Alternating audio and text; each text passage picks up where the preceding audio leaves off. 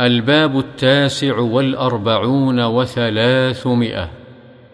باب تغليظ تحريم إباق العبد من سيده. عن جرير رضي الله عنه قال قال رسول الله صلى الله عليه وسلم أيما عبد أبق فقد برئت منه الذمة. رواه مسلم. وعنه رضي الله عنه.